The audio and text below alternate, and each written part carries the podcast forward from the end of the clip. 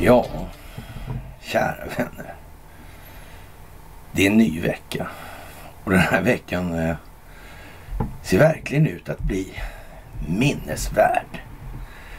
Det är det största folkbildningsprojektet i människans historia.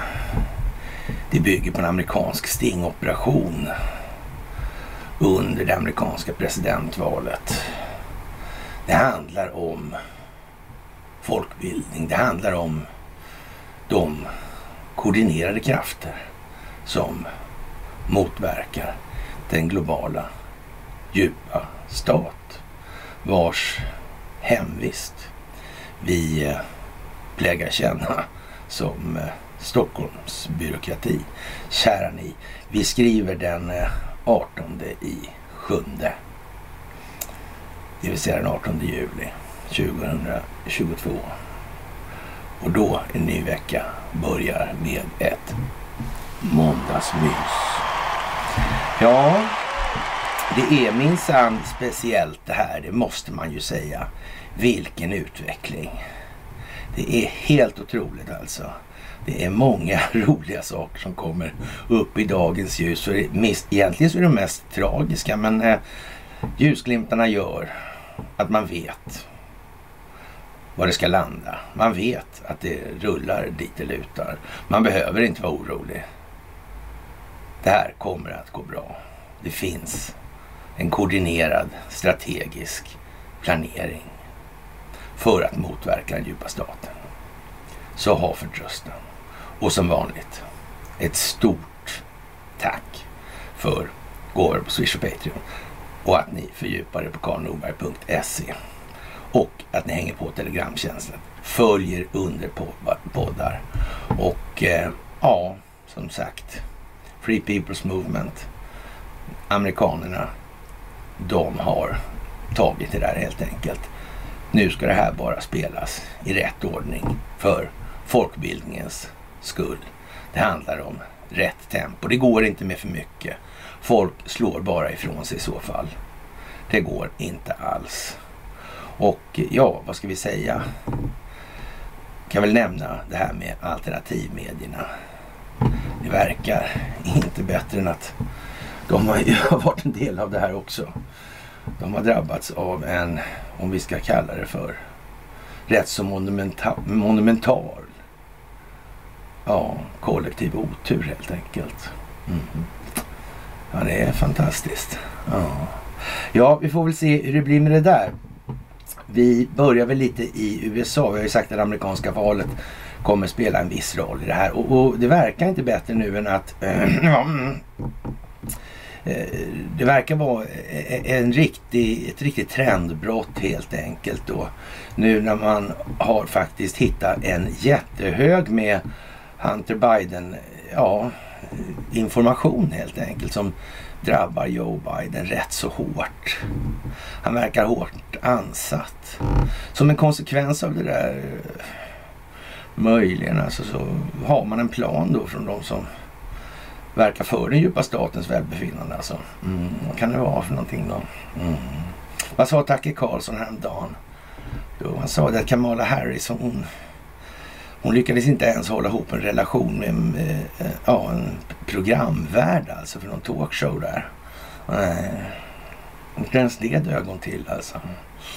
Kan det vara tänkt så kanske då att eh, ja, att Kamala kanske ska gå in i viloläge nu va. Mm.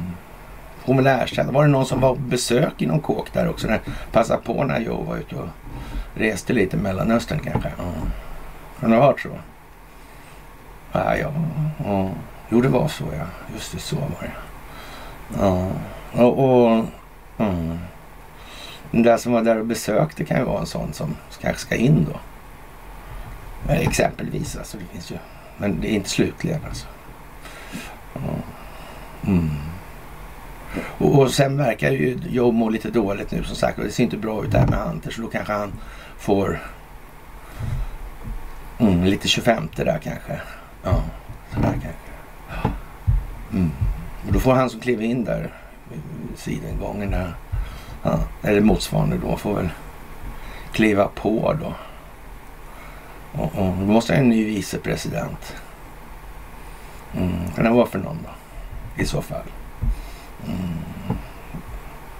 Ja, Hillary kanske? Michelle Obama? Vet inte. Vill lär ju få se. För någonting lär hända i alla fall.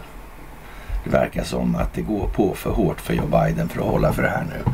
Alltså det vill säga trovärdigheten hos befolkningen räcker inte längre. Den är slut nu. Nu måste det hända något mer.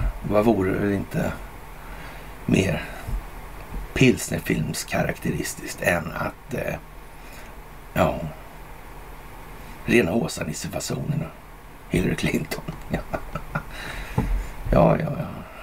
Jordens mest Clinton Soros-lojala land. En lätt antydan.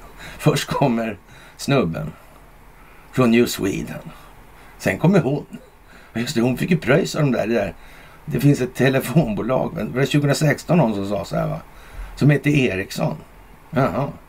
Ja, eller om det var ett bolag bara sa. Ja, de där. En gång sa han att de, det enda sättet de kan få en affär det är att mutas liksom. Jaha.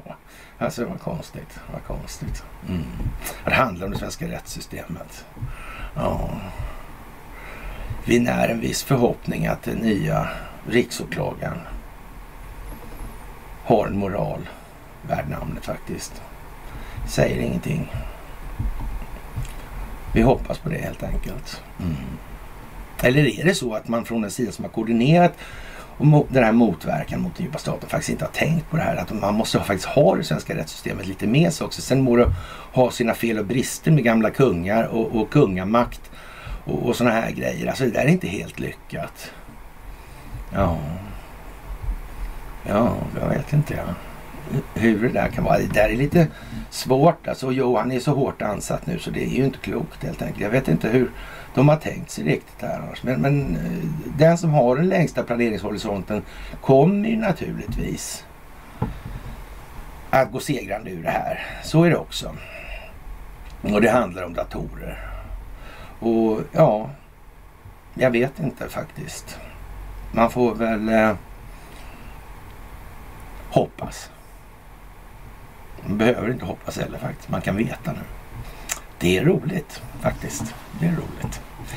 Ja, ja, jag blir lite torr i halsen helt enkelt av att veta det här. Men i alla fall, det är ju inte bara där det händer saker nu på jorden. Det händer överallt faktiskt parallellt hela tiden. Och vi kan ändå se de globala kopplingarna. Vi vet vilka gemensamma nämnare det handlar om. Vi vet vilka krafter som ligger bakom utvecklingen. Och vi kan väl börja lite grann med att ta upp det här med eh, vad var börjar det här någonstans? Vi brukar ju dra tillbaka till 1900-talets början, den det moderna, för det är liksom då telekom kommer in i bilden. Där får man den här så att säga, fasförskjutningen i en, ett mera utpräglat slag av krig. Alltså, alltså det nuvarande moderna krig när telekom kom in i bilden i det här och avlyssningen blev en eh, helt annan fråga. Sådär. Mm. Underrättelsetjänsternas roll blev helt annorlunda på det viset. Mm. Våren 1909 får detektivchef Carl Gustav Lindberg i uppdrag att spåra upp alla politiska orosmoment för att undvika attentat när den ryske tsaren ska komma på statsbesök. Det här är alltså två år efter den här försöket till revolution 1907 och alla kopplingar som fanns då med någon som hette Gustav Oskar där. Då. Mm. Första västerländska diplomaten där borta. Mm. Samtidigt satt det någon där i, i någon knut va? Satt inte han någonstans i, i svenska riksdagen också någonstans? Han är en fru som hette Alice den där alltså. Jag kan säga det, en intressant sak som fick mig att, eh, så att säga, reagera, men, men, inte reagera kanske, men jag noterade i alla fall att en av de första bilderna, eller posterna som den här Q-historien gjorde var faktiskt en bild på Knutis, Knutis och Alice. Då då. Mm. Ja, framför någon sån båt eller något sånt där va, som var stor och svart eller sådana konstiga grejer. Och de kände ju JP Morgan, det visade sig ju sen då i alla fall. Att Wallenbergfamiljen kände Morgan-intressena för det var ju liksom, eh, ja, om, om vi säger som så, historien med Ivar Kryger och sådär. Mm. Och det här med finansieringen och de här Tysklandslånen och sådana grejer. Mm. Kan det vara det som kommer ikapp liksom, om du visar? Ja, lite grann kanske. Hur som helst då. Eh, ja, stat, eh, Sara skulle komma på statsbesök där nio då i alla fall. Och, men en av de värsta upprorsmakarna, Hjalmar Wång, lyckades glida genom spionpolisens finmaskiga nät och han tänkte mörda tsar Nikolaj den andre.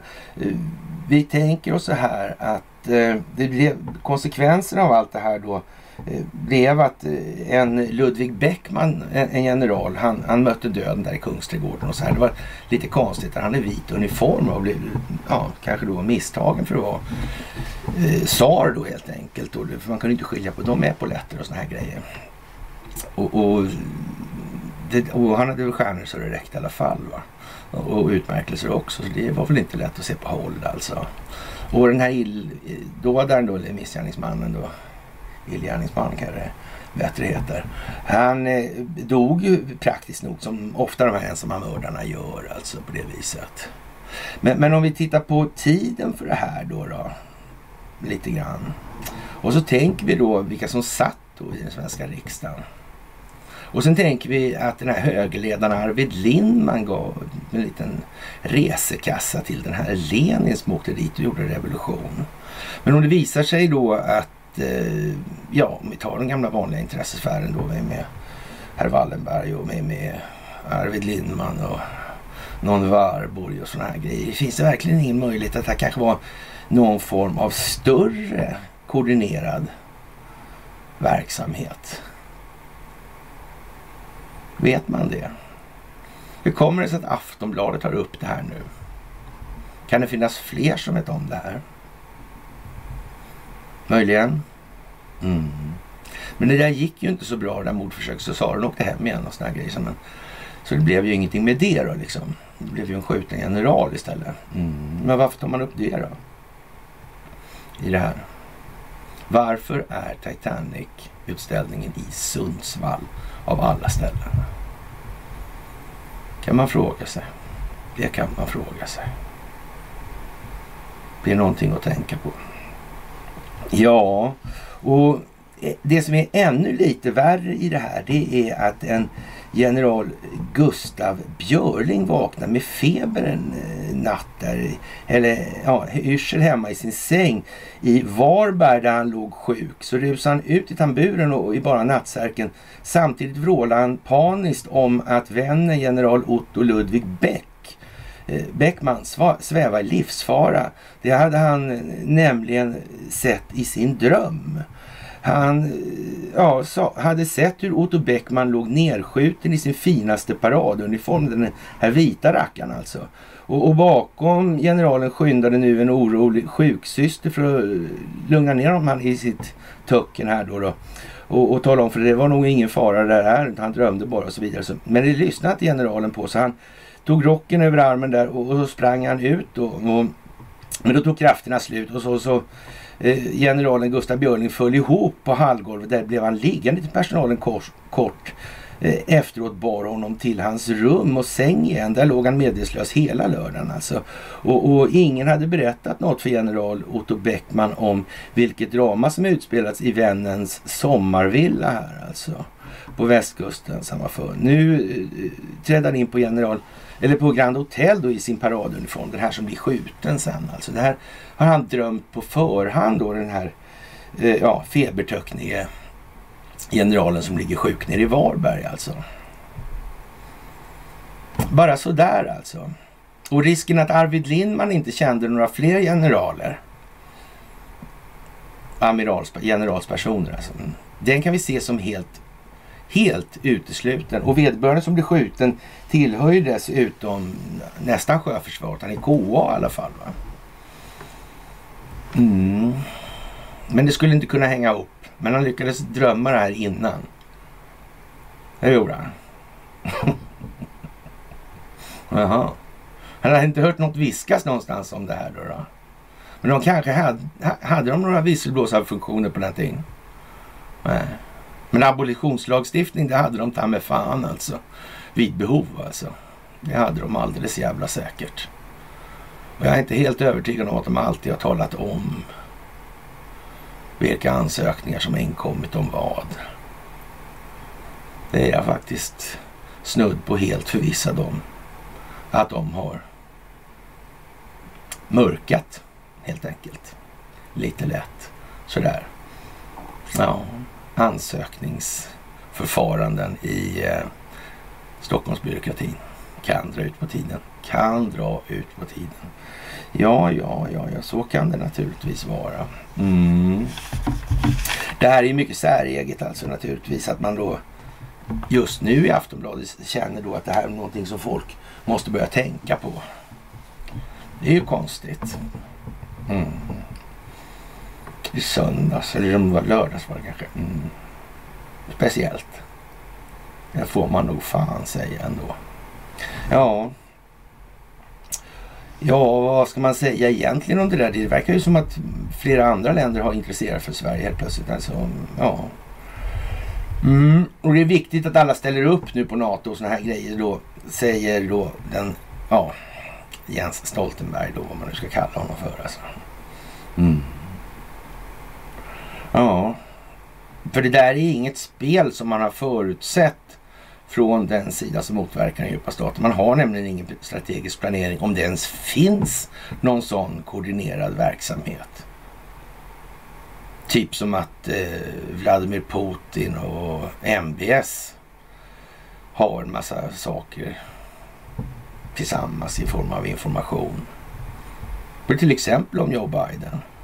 Det blir ju inte bättre av att Joe Biden avslöjas med att ha, ha pratat med Poroshenko om det här med att nu får ni inte hålla på med det här med att ta bidrag så mycket från eh, ja, eh, USA då därför att eh, ja, Donald Trump han kommer börja rota i det där. Det var när Joe Biden var vicepresident alltså. Mm. Konstigt det där. Mm. Han verkar veta att någonting ändå. Mm. Så kan det nog vara ja. Mm. Så kan det nog vara. Jaha, och eh, vad ska man säga? Mm. Ja, det går ju dåligt för Ryssland, det vet De har alltså inte så mycket ja, Eh, soldater helt enkelt. Alltså de har 144 miljoner människor men eh, ja, totalt en miljon soldater då. Det är ju lite sådär alltså. Nu är det helt slut med soldater alltså. Och Putins nya desperata drag då, panikvärvar 60-åringar alltså. Ja, jag vet inte vad jag ska säga om det där riktigt. Mm. Jag tror inte man ska ha så, alltså, ha någon större prioritet på fältmässigheten på ledningen så att säga. Det tror jag är lite omodernt alltså. Ja, det, det kommer behövas generalister till det alltså. Mm. Inte en massa specialister, det tror jag är inte så någon bra idé. Nej. Men jag tror faktiskt det. Jag tror fan det är därför det heter general alltså. Och här hemma konstaterar vi att SOS Alarm har då en driftstörning under natten och ja, möjligtvis är det en pik, en ögonöppnare. Ett stick i sidan. Tänk till nu här. Vad är det här för någonting? Den svenska befolkningen måste lida. Den måste hela sitt lidande helt själv.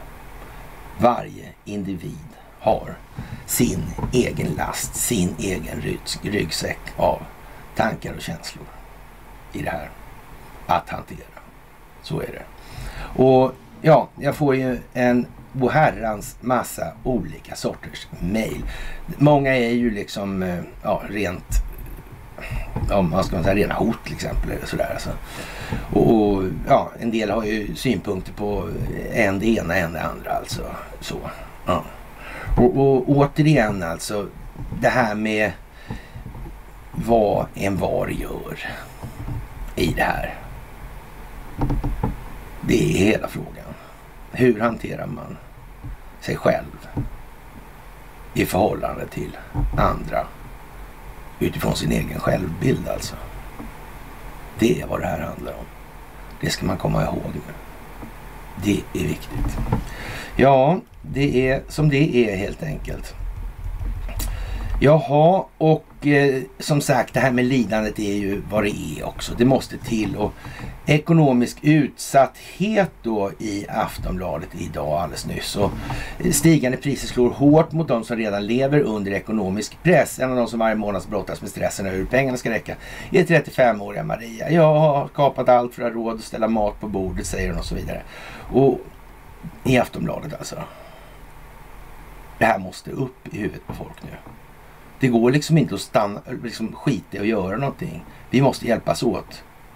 Och det är helt säkert att räntekostnaden kommer stiga, dieselpriset kommer stiga och livsmedelspriserna kommer att stiga tills dess att tillräckligt många väljer att agera och hjälpa till. Det är bara så. Det finns ingen annan väg. Är folk så att de bara kan ha det som de har det och allting bara rullar på som det alltid har gjort. Ja, då kommer de förbli där också. Men det duger inte nu. Det duger inte nu. Omvärlden har tröttnat. Vi har inget val. Omvärlden är vad som har betalat för det svenska välståndet till en inte obetydlig omfattning i det här. Faktiskt. Sen är det inte så att man från Investors sida har betalat ohemult med skatt sådär. Det kan man nog inte påstå. Nej. Nej. Men det är ändå till stora delar så att säga varit ryggraden i det här. Mm. Så det, omvärlden har en del att ta tabbe på om man säger. Det får vi nog fan acceptera. Ja, det är helt otroligt och eh, ja, en kommentar på det där är när ska svensken fatta att om deras så kallade välstånd har offrats på den falska solidaritetens altare. Och, och troligen aldrig om man läser vissa insändare på FB eller kanske sådär ja. ja det där var ju speciellt alltså. Och, och det här rättssystemet som det handlar om så, till så stor del nu. Vad är, vad är det med det där egentligen? Jättekonstigt alltså. 1809 verkar komma under med Högsta domstolen att göra och, och kungamaktens ja, höll på att säga avskaffande var det väl, kan man ju säga att det var all politisk makt försvann då, alltså man införde högsta domstolen och så vidare i det här. Mm. Det fanns ju någon liten krypgrej där, va, tror jag. Det var ju det där med abolitionen. Jag vill säga, innan dom har vunnit laga kraft så att säga så kan man, finns det ett benådningsförfarande då som är då helt, eh, om vi ska säga, överlåtet till Alltså regeringen kan benåda och sen går det inte att göra någonting åt det. Det där finns kvar. Och så sent som 2021 och säkert senare än så också så har det ansökts om abolition. Det är ju liksom lite grann som en sista utväg. En sista ventil att släppa ut trycket när det börjar bli för högt och pannan riskerar att sprängas. Ja.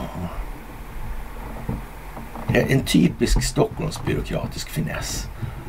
Och den är ju så att säga i grunden då kopplad till kungamakten på något vis. Mm. Det där är lite speciellt alltså. Det där är lite speciellt. Så de har försökt lalla över det där på något vis till regeringsformen då. Mm. Jag vet inte, det är så bra det där. Men jag tror inte det. Men en sak var i alla fall konstig. Det var ju det där med ASAP Rocky. Vad han sa någonting den där Robert O'Brien. Alltså det handlar om det svenska rättssystemet. Och vet ni vad? Så konstig grej alltså. Amerikanerna var intresserade av det abolitionsbegreppet. Och undrade om man inte kunde köra en sån grej då på han ASAP Rocky. Jaha. Hur visste de om det alltså? Ja. Kanske har de någon, ja vad ska man säga, information om att det här har, inte vet jag, satts i system tidigare. I Sverige, i Stockholm. Aha. Och att man kanske har mörkat det här helt och hållet. Mm. Bli av med Estonia. Mm. Damberg kanske. Jag vet inte. Vi ska nog inte helt stänga dörren för den möjligheten att här har det nog var, varför skulle amerikanerna annars vara så intresserade av det där för en ASAP Rocky? Och det är ju liksom så att själva abolitionsbegreppet som sådant och användning av det måste ju ändå vara eh, lite större fråga än om en rapartist som är lite halvpackad och halvpåtänd eller vad han kanske var då liksom, eh, nöp till någon eh, eh, på fyllan mitt i natten liksom. Eller om man inte ens gjorde det, var någon av de här livvakterna som gjorde kanske till och med. Det, det är ju liksom olika dignitet på frågorna då kan man säga. Den ena väger liksom och den andra är jättetung liksom så. Mm. Men det väljer han att ta upp alltså. Inte själva sakfrågan med liksom boxningsmatchen utan nej, nej. Ja. Det är ju jättekonstigt. Vad sa han? Det handlar om det svenska rättssystemet alltså. Hur, finns det något mer tecken i tiden på det? Som, kan det, vara, det som verkar vara svårt med att få liksom ansvariga personer fällda på något sätt om de har agerat inom ramen för till exempel ett företag utomlands. Det verkar jättesvårt. Det tycks vara belagt nästan nu alltså. Lite Ericsson och lite sådana här grejer och Lundin Oil. Lite, det här har varit lite utdraget nästan va? På, I den frågan. Jag tror det. Ja, ja, det är klart att det är ju inte så bra om man kan dra ut det till folk dör. Jo, men det var ju det de skulle göra där med... Just det, ja. Så var det. Det där med han eh, vittnet där som hade terminalcancer och inte skulle leva och kunna höra så mycket längre tid. Och då sa man nej ändå, alltså från domstolssida. Aha. Mm. Det är ju konstigt. Vill man ha något sagt alltså. Men som sagt, det är också en konstig grej alltså. Det här med... Jag vet inte. Mycket märkligt alltså. Åklageriet alltså. Det är ju George Soros han pröjsar ju mycket åklagare där. Ja, George Soros, men okej då. Ja, ni fattar vad jag menar. Mm. Det måste vara åklageriet som är den bästa punkten att kontrollera i oppositionen så att säga. Om, om man är en djup stat och sådär, då är det naturligtvis ett åklagarämbete. Det måste varje, ja så att säga, anständig i djupa staten apologet på den nivån måste ju hålla sig med ett par åklagarämbeten åtminstone i olika länder. Jag tror väl fan det. Undrar om de har glömt internationella åklagarkammarna och såna grejer. Va? Det är ingen risk för det. Nej, nej. Hur var det nu egentligen med, med, med han Micke Rawlinson där? Hur var det där? Mm. Det var konstigt. Ja, det också alltså. Ja. Och ännu bättre blir när Svenska Dagbladet idag eh, faktiskt går ut med att Karl XIV Johan då löste in hela statsskulden och det var ju liksom Oj, oj, oj, oj. På sista tiden har det plötsligt dykt upp en mängd insändare i vilka man då tycker att det här med kungahus verkar värdelöst. Ja. Men nu visar det sig alltså att han löste in hela statsskulden alltså. Mm. Han var rikare än George Soros. Vänta, vad hade George Soros sina? Han hade ju en sån där kvantumfond. Eller vad? Det var ungefär som kvantumdator. Stavas likadant liksom. När hörde Marcus Wallenberg talas om kvantumdatorn? Var det 78? Jaha, eller om det var 76 till och med. Ja, jag tror det var 78. Ja, det spelar kanske ingen roll. Nej. Nej, så de har haft datorer till att beräkna så många saker rätt länge tror jag. Ja, ja, ja. Men det är helt säkert att Karl XIV Johans cash var liksom... Ja, de kom från morsan och farsan helt enkelt. Mm, och så löste den svenska statsskulden med den. Jaha. Mm. Kan ha varit så alltså. Kan ha varit så. Mm. Jag vet inte. Som sagt, frågan är väl om det verkligen var hans privata pengar och det... Eh, ja... Så man vet ju inte riktigt. Mm. Konstigt. Ja, det har varit lite genom åren. Och återigen då, SBAB, boräntorna på väg mot 5% Som sagt, Det kommer att gå så långt som det behövs. Så det är ingenting att vänta på. Det är bara att hjälpa till. Det är bara att dela. Och det är bara att sprida ljuset från verkligheten. Prata om de saker som är rimlig grund till en problemformulering som leder till en lösningsorientering värd namnet. Så är det bara. Det är inte krångligare än så. Jaha, och eh, som sagt, Kamala på dörren och den svenska absolutionens användning intresserade ju uppenbarligen Robert O'Brien väldigt mycket. Det här är tider som är speciella. Det ska man ha riktigt klart för sig alltså. Det är mycket, mycket, mycket speciellt.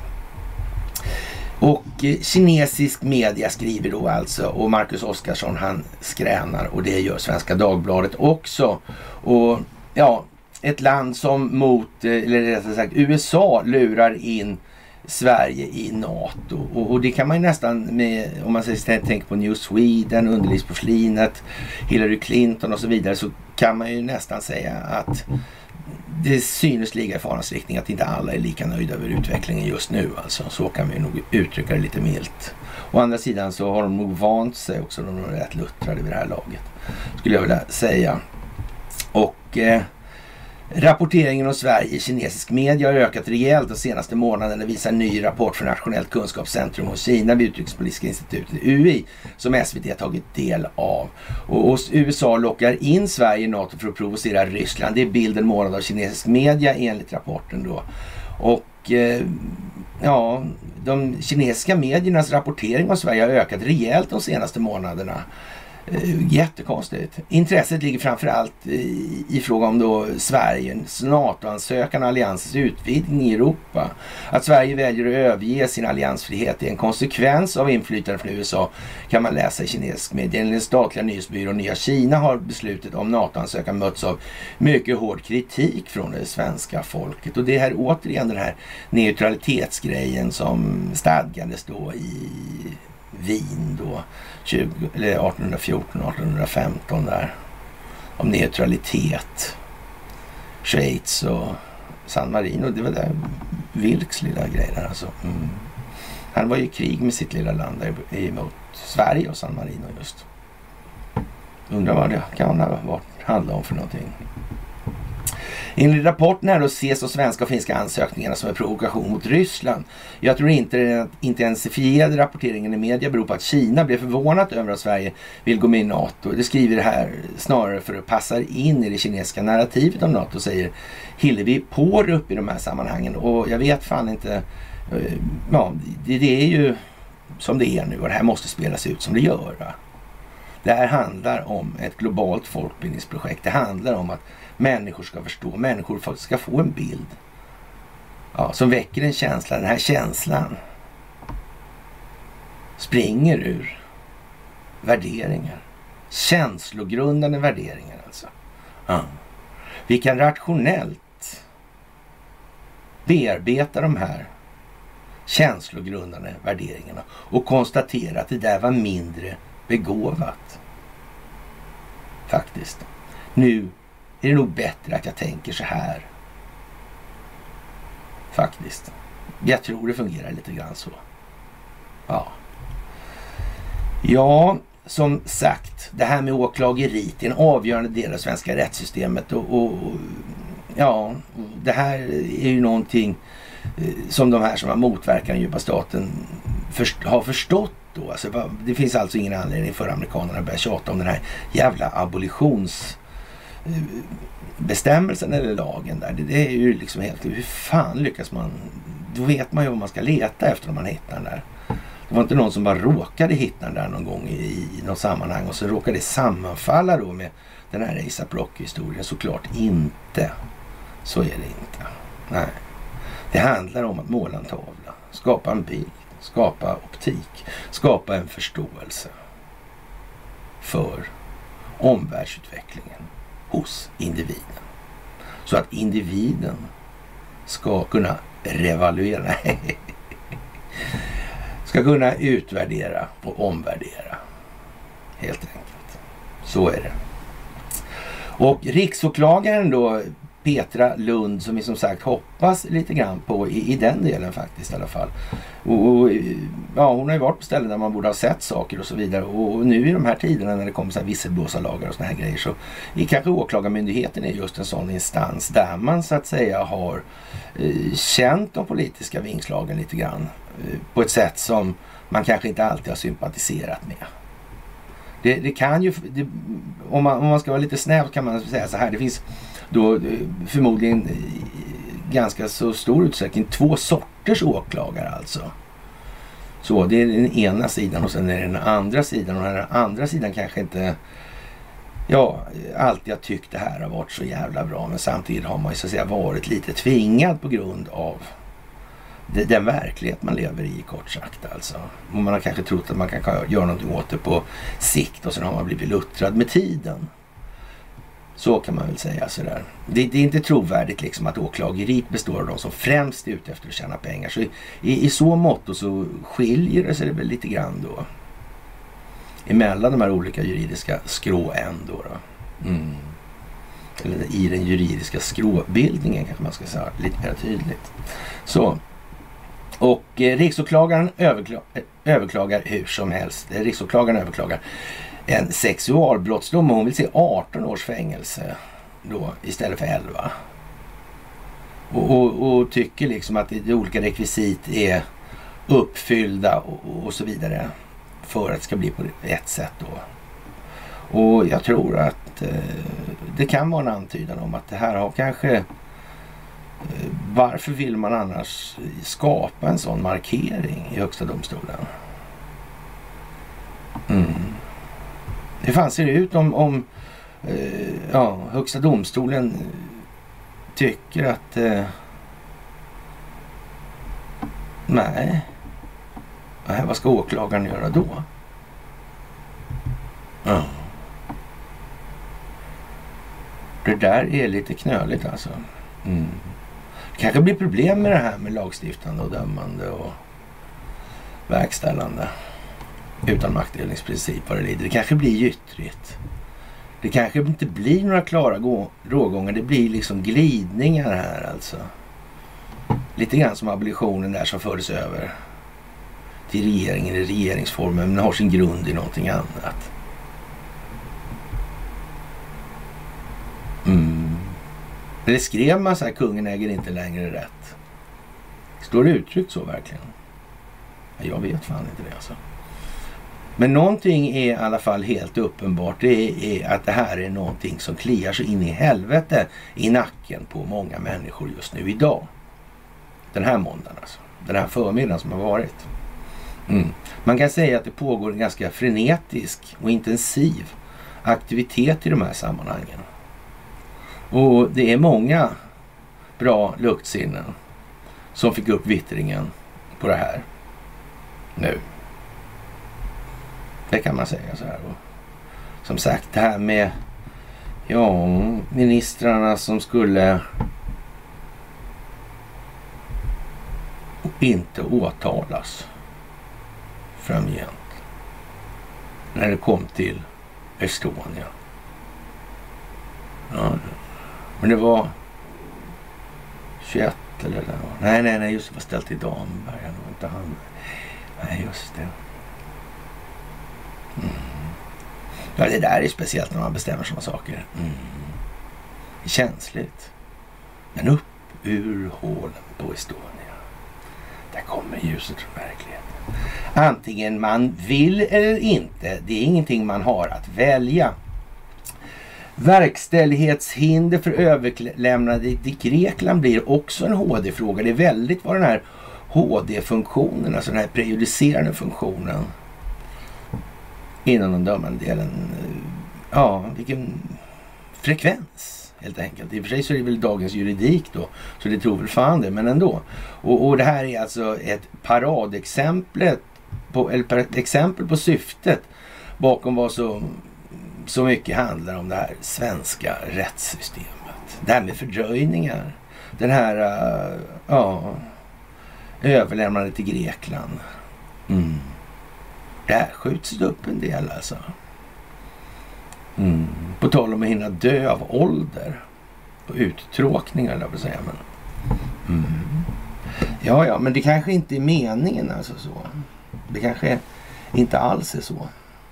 Nej, det kanske är på något helt annat sätt. Jag vet inte riktigt. Nej. Jaha. Lite mer jordnära grejer då med Carl-Johan Persson. Det är att hennes och Maurits har beslutat att påbörja en avveckling av verksamheten i Ryssland skriver klädkedjan i ett pressmeddelande. Eh, det blir en miljardsmäll för koncernen eh, givet nuvarande utmaningar att bedriva verksamhet och en oförutsägbar framtid. Eh, ja, meddelar bolaget idag att man har beslutat påbörja en avveckling av verksamheten i landet. Mm.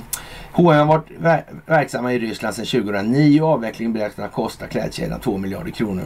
Varav en miljard uppskattas påverka kassaflödet. Som en del av avvecklingsprocessen är intentionen att tillfälligt öppna fysiska butiker under en begränsad period för att sälja återstående varulager i Ryssland, skriver H&M som pausade verksamheten i landet dagarna efter det att Ryssland gick till attack mot Ukraina tidigare i år. Och det här är då eh, News Up, Update.com. Och ja, det finns överallt annars. Nu finns det i Dagens Industri och så vidare. Mm. Vad ska vi säga? Den här teatern med Ukraina det är ju det som börjar liksom i det här. Ja, men där börjar vi få klart för oss nu att det där är ju inte riktigt vad det har varit eller sagts. De, folk börjar förstå att det är någonting lurt med det här. Alltså. De här uh, ryska soldaterna som är slut liksom. Mm. Uh. Och ryssarna håller på att förlora där nu. Mm. ja, eller så gör de ju inte det alltså. Det är ju det som är konstigt alltså. Konstigt, konstigt, konstigt. Och eh, ja, som sagt, flera juridiska frågor hänger i luften när nya visselblåsarlagen börjar tillämpas i större bolag. Och Eh, den här bygger på ett EU-direktiv som saknas i, i de traditionella förarbeten som hjälper till med tolkning av regelverket. Den svenska implementeringen av direktivet lämnar flera praktiska frågor avseende inrättande av kanaler obesvarade. Alltså vi, vi, vi hänger på något vis i luften. Alltså det är angeläget att de här frågorna som hänger i luften besvaras snarast. Åtminstone senast i dess att medelstora bolag börjar omfattas av kravet att inrätta visselblåsarkanaler. Vilket är i slutet av nästa år alltså. Ja, den första tillika en av de mest diskuterade frågorna i nya visselblåsarlagen är under vilka omständigheter bolag kan ha gemensamma kanaler då för visselblåsning och dela resurser för hantering och utredning av inkomna visselblåsarärenden med andra bolag inom samma koncern och så vidare. Och, och genast kommer Stockholmsbyråkratin då så att säga in i bilden här och risken att den här funktionen blir, om de får hållas alltså, det, det är ju att den här korrumperas ja, på en gång alltså. Den hinner aldrig vara någonting annat alltså. Det sitter liksom i väggarna direkt alltså. Väggfast. Ja, det, det, det, är naturligtvis rätt så deprimerande att konstatera att det här landet är ju eh, lämnar en del i övrigt att önska när det gäller det rättsliga faktiskt. Och ja, man får väl ha en viss sympati för att människor tycker det är en tråkig upplevelse nu när man har lagt så mycket tid och energi på det där. Ja, det ska bli spännande att se alla syltryggar sträcka på sig. Alltså ryggradsprov på gång alltså. Jaha, och eh, regeringen vill underlätta för ukrainska flyktingar att skaffa bankkonto. Och, och det är ju fantastiskt måste man ju säga.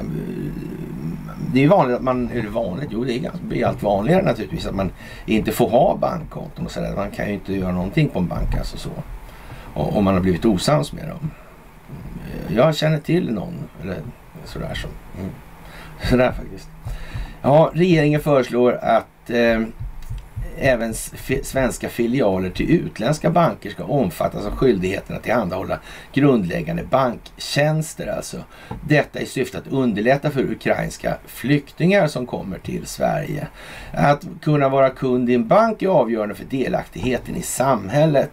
Nu ser vi, att utländsk, nu ser vi till att utländska banker tar samma ansvar som svenska i frågan om eh, flyktingars rätt till betalkonto, säger finansmarknadsminister Max Elger S i ett pressmeddelande.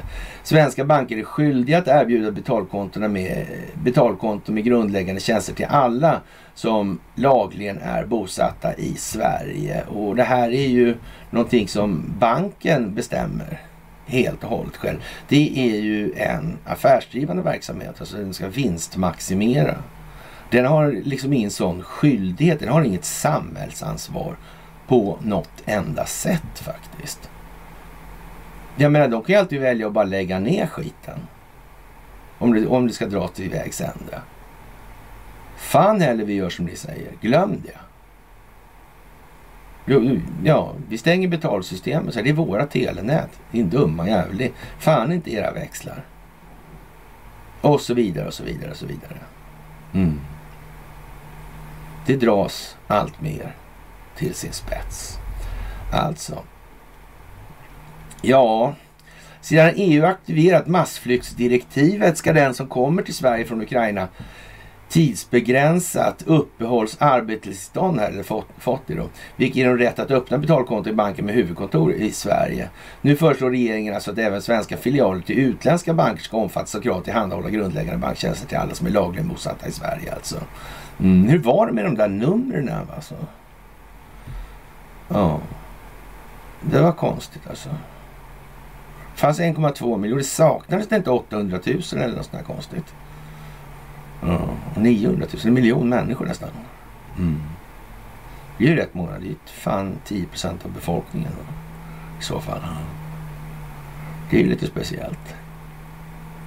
Ja, för då är, blir ju uppenbarligen utan någon så blir befolkningen mindre. Mm. Det vet ju inte hur stor den är. Med samordningsnumren. Hur var det med de här röstlängderna egentligen? Var det något speciellt med dem kanske? Jag är inte säker hur det var. Om man har kollen på dem då och kontrollerar dem där. Och så poströstar man. Hur går det där egentligen? Mm. Och pass, det har man ju i överflöd numera. Inte så, men det kan man ju ha haft tidigare också. Det är ju liksom ingen som vet riktigt. Nej. Det kan ju vara så att man har utfärdat många pass till samma bild. Mm. Ja. Ja, ja, det är ju lite som det är alltså. Mycket annorlunda skulle man kunna säga. Allas lika värde, ja. Precis alltså. Jaha. Och eh, vad ska vi säga? Det här med alkoholen och Systembolaget som vi har som omslagsbild idag. Det där är ju en mycket, mycket, mycket speciell begivenhet alltså. En svensk begivenhet givetvis. Det är ju av eh, ren omvårdnad alltså mot befolkningen som man har här. Efterhand som vi har upptäckt att eh, inte så mycket eh, alls i tillvaron bygger på det. Viljan till omvårdnad av den svenska befolkningen. Så eh, ligger det närmare till hands att tro liksom att det finns andra syften då. Vad kan det möjligen vara för syften om det inte är det allmännas bästa? Det kan inte vara så svårt att räkna ut faktiskt. Jaha, och Eh, energibolagens skulder i Europa steg till 1,7 biljoner euro enligt Bloomberg. Europeiska energi och allmännyttiga företag samlar på sig mer och mer skulder för att täcka kostnaderna för stigande olje och gaspriser. Och det tyska energibolaget Uniper SE kommer att behöva cirka 9 miljarder euro blyga medan det tjeckiska energibolaget CEZCP bygger upp eller söker upp ja, i runda slängar då strax norr om 3 miljarder euro för att överleva energikrisen skriver byrån nu. Ja, det låter ju ganska dyrt det där. Verkar inte alls roligt. Faktiskt. Ja, svårt att veta liksom om det är inflation eller inte snart tycker man ju mest. Och ja, i, under våren 2020 så instruerade Rysslands president Vladimir Putin landets gasgäster Gazprom för att börja med att genomföra ett projekt då. Den här Siberia 2 pipeline då. Och det där är ju ett eh, problem naturligtvis. Mm, det blir ju det. Det här kommer ju bli lite tjurigt alltså. Ryssland har gått med på 30-årigt kontrakt för att leverera gas till Kina via Power och Siberia 2. En ny 2600 kilometer lång pipeline med ursprung i gasfälten. Och, och ja, i Jamalprovinsen där. Mm. Och det stärker då den energialliansen med Peking alltså. Ja, mitt under då de ansträngda förbindelserna med väst över Ukraina och andra frågor. Mm. Jag vet inte. Ja. Det där är, verkar på något vis som man har planerat. För sånt där bygger man ju inte hur som helst alltså. Ja. Och eh, den här turbinen då till Nord Stream, där underhållsgrejerna, den 22 var det visst eh, en vecka kvar, alltså nästa måndag. Då vill det till alltså. Det är ju spännande veckor här som kommer. Kan det bli dramatik? Kan det bli något annat än dramatik? Det är jag inte säker på. Nej. Och eh, den här ja, turbinen då, den har lättat ifrån Kanada nu alltså. Mm. Ja, vi får väl se. Nu är det ju väldigt tryck på det här med energin och så vi alla är fokuserade på det. Och tänk om det kommer en spelväxlare som dessutom ökar speltrycket. Ja, vad skulle det kunna vara för någonting? Ja, kanske, vad vet jag, det amerikanska valet. Skulle det kunna vara en sån grej? Jag vet inte, men det är konstigt alltså. Ja. Det där med svenska vapenlagar. Mm. Det där är konstigt. Också. Undrar varför? Ja, det kan man fråga sig. Jaha. Och eh, ja, på temat när det stundar en tsunami av samhällsomvälvande information från verkligheten, alltså valet 2020. Vad vi ser här då, då framför oss, alltså det är att man har då i Georgia eh, en situation där man har ett bedrägeri som man kan bevisa och det har man haft hela tiden då. Och, och ja, den här Raffensberg, han gjorde vad han gjorde ändå alltså. Mm. Men nu hjälpte inte det, det släppte inte, det lossnade inte liksom. Det gick inte klart alltså. Det satt liksom fast, det vill inte släppa. Det biter sig fast och det kommer tillbaka hela tiden. Som en boll kommer jag tillbaks till dig. Alltså den rullar lite lutar den här rackaren alltså. Man slänger upp den för backen men den kommer ju ner hela tiden. Det där är ju konstigt alltså. Ja, det där är ju... Och, och tittar man på det här, vad det här innehåller. Det tar man upp i Gateway Pandit idag då. Det är lite lattjo. Varför gör man det nu alltså? Ja, det kommer ju massa andra grejer nu också parallellt. Ovanpå det alltså. Var det Minnesota tror jag? Eller? Var det någon annan kanske? Mm, men jag kommer tillbaka till det också. Man har fastställt saker nu. Det här är ju jättekonstigt alltså. Hur, hur det verkar bli alltså. Ja, det här progressiva samhället och den här korruptionen. Jag vet inte. Det ser i alla fall ut som att en amerikansk valfusk kommer att kunna få hyfsat alienerande konsekvenser för ett litet exportberoende land vars humanitära stormaktskap bygger på ett fåtal svenskar som på ett brutalt vis brukar lägga sig i andra länders inre angelägenheter alltså. Och, och det här med Sveriges eh, verksamhet då i förhållande till NATO, det är som sagt någonting som svenska medier tycker är bedrövligt alltså. Bedrövligt alltså. Ja. Och, och det, då är det naturligtvis trevligt att se då att Sverige åker dit på eget grepp alltså i det här. Och, och alla har ju sett det här i hundra år, men eh, nej. Och, och, de är naturligtvis tvungna att fortsätta med vad de gör för att folk ska se. Det ska bli en exponering, alltså det ska bli en bild av det här som människor faktiskt kan identifiera sig själva inom samhället i förhållande till den bilden. Så. De måste förstå helt enkelt. Och ja, det kommer att bli så också. Och när det dråpliga ja, passerar över gränsen till vansinne då så ja, Stockholmsbyråkratins egen kontantnalle tillika ständig Interpolchef går i bräschen för den höga moralens fanbörjare, höll på att säga. Han rider på en hög häst då, kan man väl säga. Och VM i friidrott då har för första gången, Arne på G också kan man tänka sig i de här sammanhangen då. VM i friidrott har för första gången kommit till USA, närmare bestämt Nikes hemort Eugene. Ett VM som kunde, kanske borde ha arrangerats i Göteborg. De arrangerade väl 95 vill jag minnas. Och, och ja, Britt-Marie Mattsson var väl en framträdande eller tongivande figur i rapporteringen kring det där. Och, eh, ja, som sagt, ja, det var ju andra tider då också kan vi ju säga. Efter anklagelser om korruption, det har alltid med det att göra när Sverige är inblandat. Anklagelser om korruption, fast nu är det ju då Björn Eriksson som tar tag mot korruptionen som gammal tullchef och, och sådana här grejer. Och, och, nu skulle de börja, till och med börja införa då att de skulle ha eh, tull i, i småbåtshamnarna då i, i, längs Norrlandskusten. För det kunde vara så att det kom in grejer där. Det hade visserligen aldrig gjort det någon gång hittills men man ville helt enkelt mota Olle Grind nu liksom och tala om att nu finns vi här.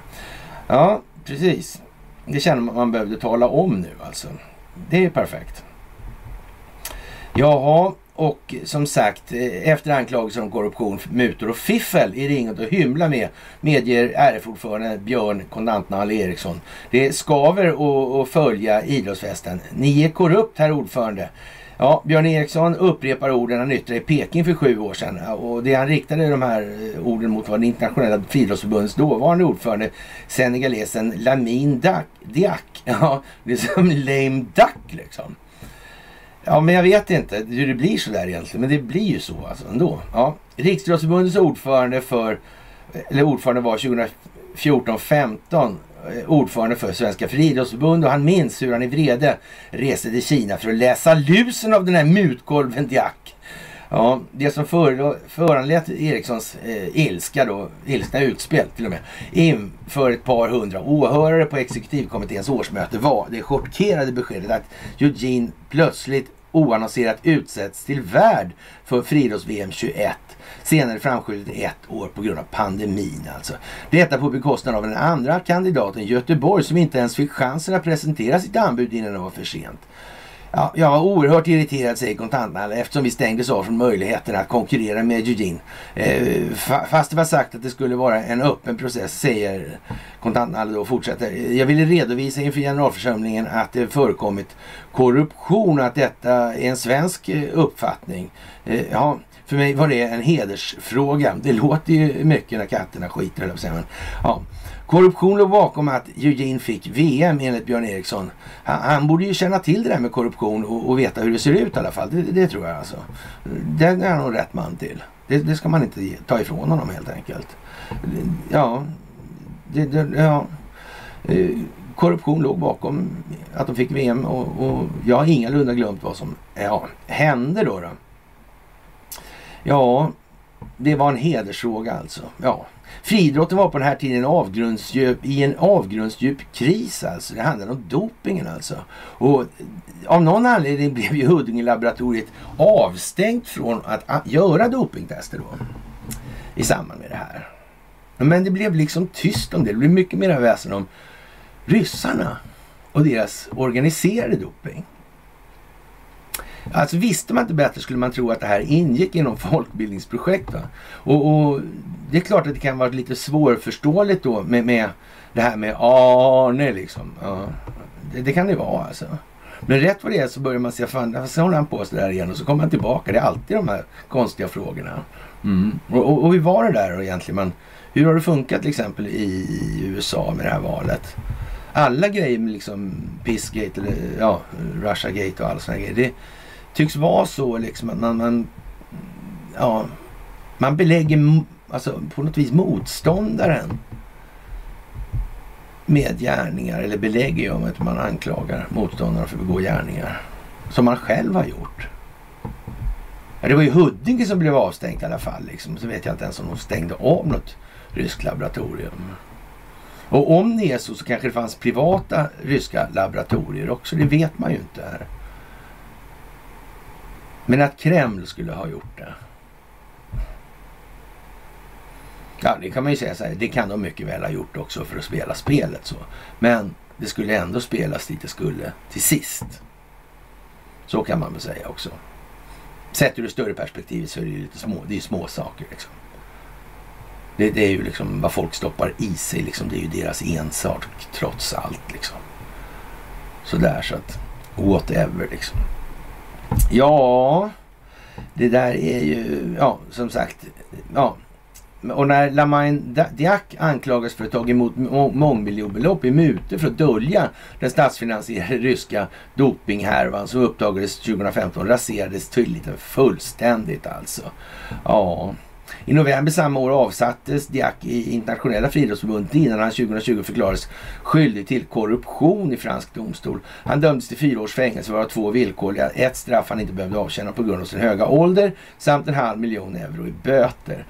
I december 2021 gick, eh, ja, eh, Lamed, Lamed Lama Ankan eh, bort alltså då, 88 år gammal. Mm. Ingen har erkänt eller fällts för mutbrott i samband med att Eugene tilldelas BMW i friidrott. Däremot har Sebastian Coe då, han medeldistanslöparen alltså, som fram till 2015 var vice ordförande i internationella friidrottsförbundet och efterträdde Mendiak, erkänt för Björn Eriksson att utnämningen föranleddes av en oetisk och icke-transparent process. Alltså. Korruptionen i internationella friidrottsförbundets ledning däremot hävdar Coe att han aldrig märkte av, aldrig, aldrig, aldrig alltså. Så, trots sju år vid Diaks sida alltså. Fantastiskt. Mm. För det är inte utan att man anar eh, att, så att säga, eh, kontantnalles ordträngdhet i vissa sammanhang beror på att han har så att säga fått ett helt oemotståndligt erbjudande. Det kan ju ingen jävel tro att svensken liksom skulle vara hedlig. Så dum är ingen i de där sammanhangen. Nej, faktiskt. Ja, ja, ja, ja, ja. Ändå har det höjts på ett och annat ögonbryn i misstänksamhet gentemot britten som vann OS-guld på 1500 meter både 80 och 84. Under sin karriär sponsrades han nämligen av Nike just då. Och till och med 2015 fortsatte han vara en välbetald ambassadör för den amerikanska skojätten som grundades i just Eugene på 1960-talet.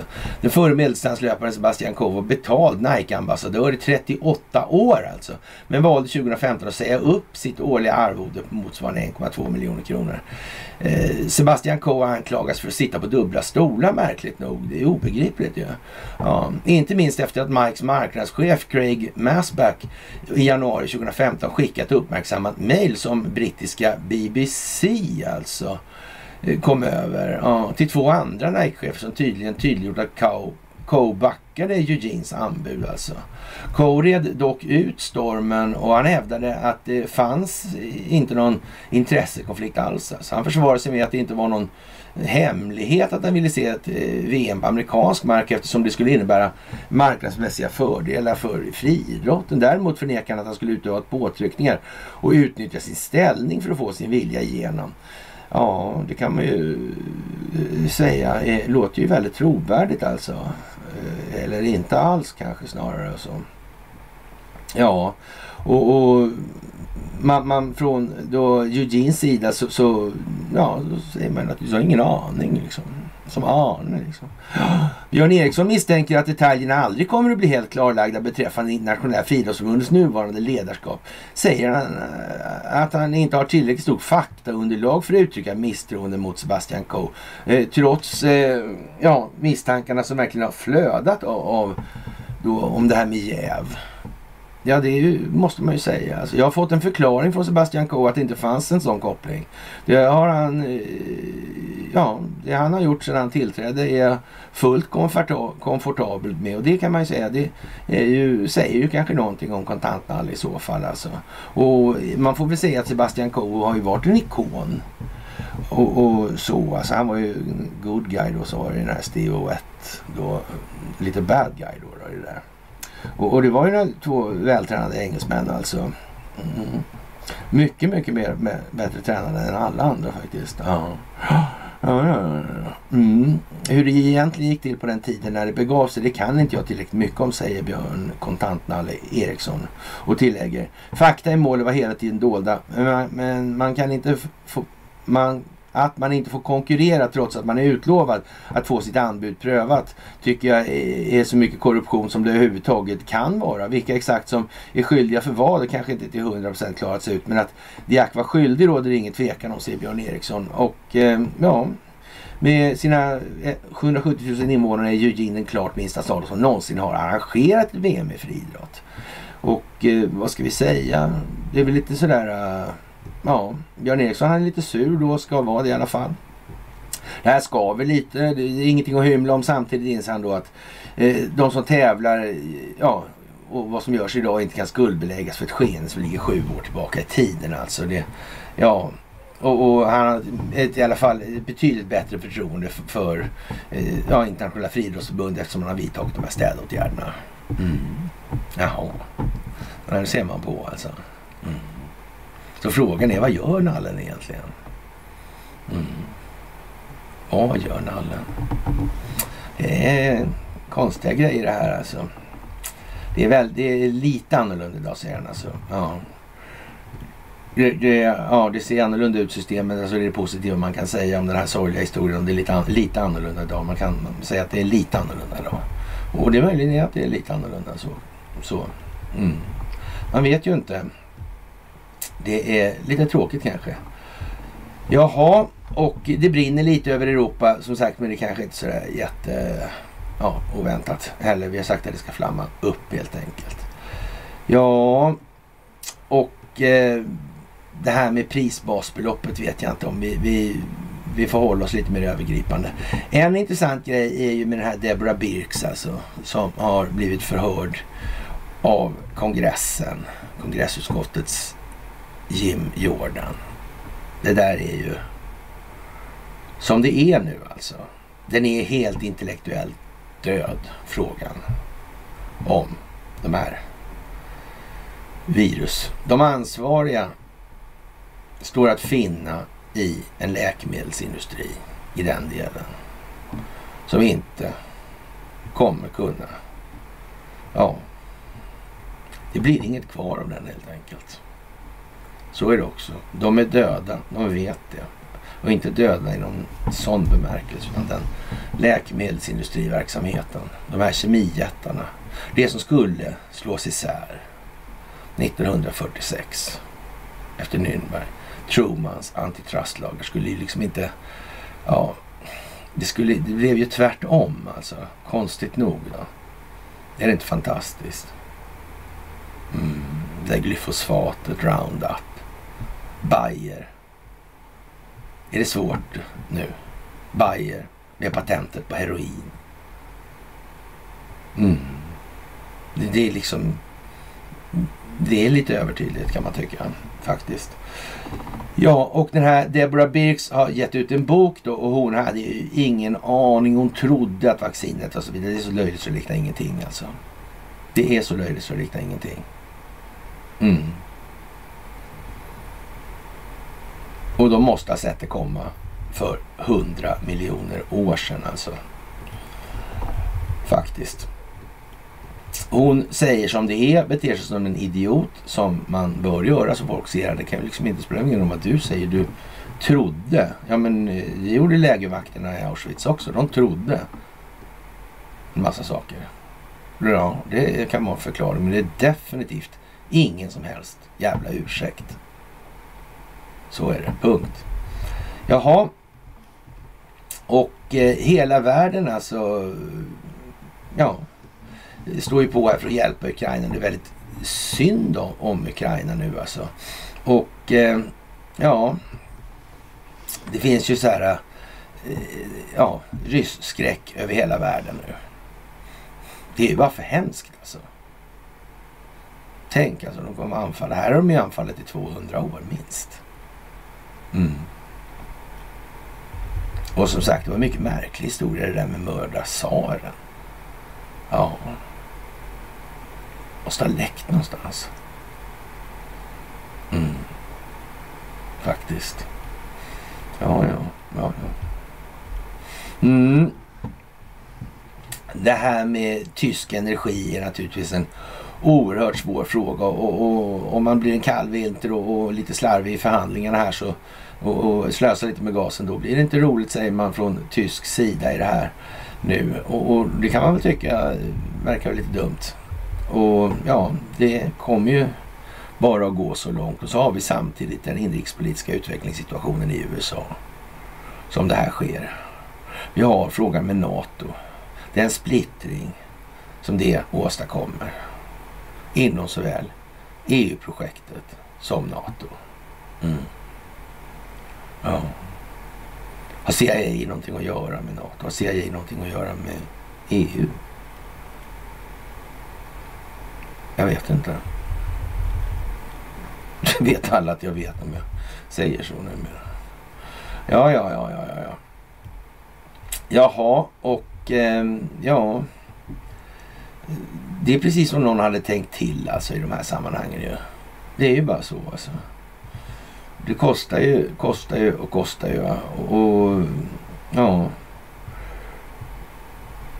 Ja, innan, anmärkningsvärt nog kan man säga så här, att innan västvärldens och enhet kom till Ukrainas försvar alltså. Och, och då hölls Ukraina lågt alltså i anseende hos europeer alltså. Och betraktas som en kleptokrati styrd av korrupta oligarker med ja, bara det minsta antydan och knappt det är de rättsstatsprinciper. Men för all del en hel del svenska banker och, och ja, och så vidare. En hel del telekominfrastruktur kontrollerad av ett känt telekombolagmärke alltså. Mm.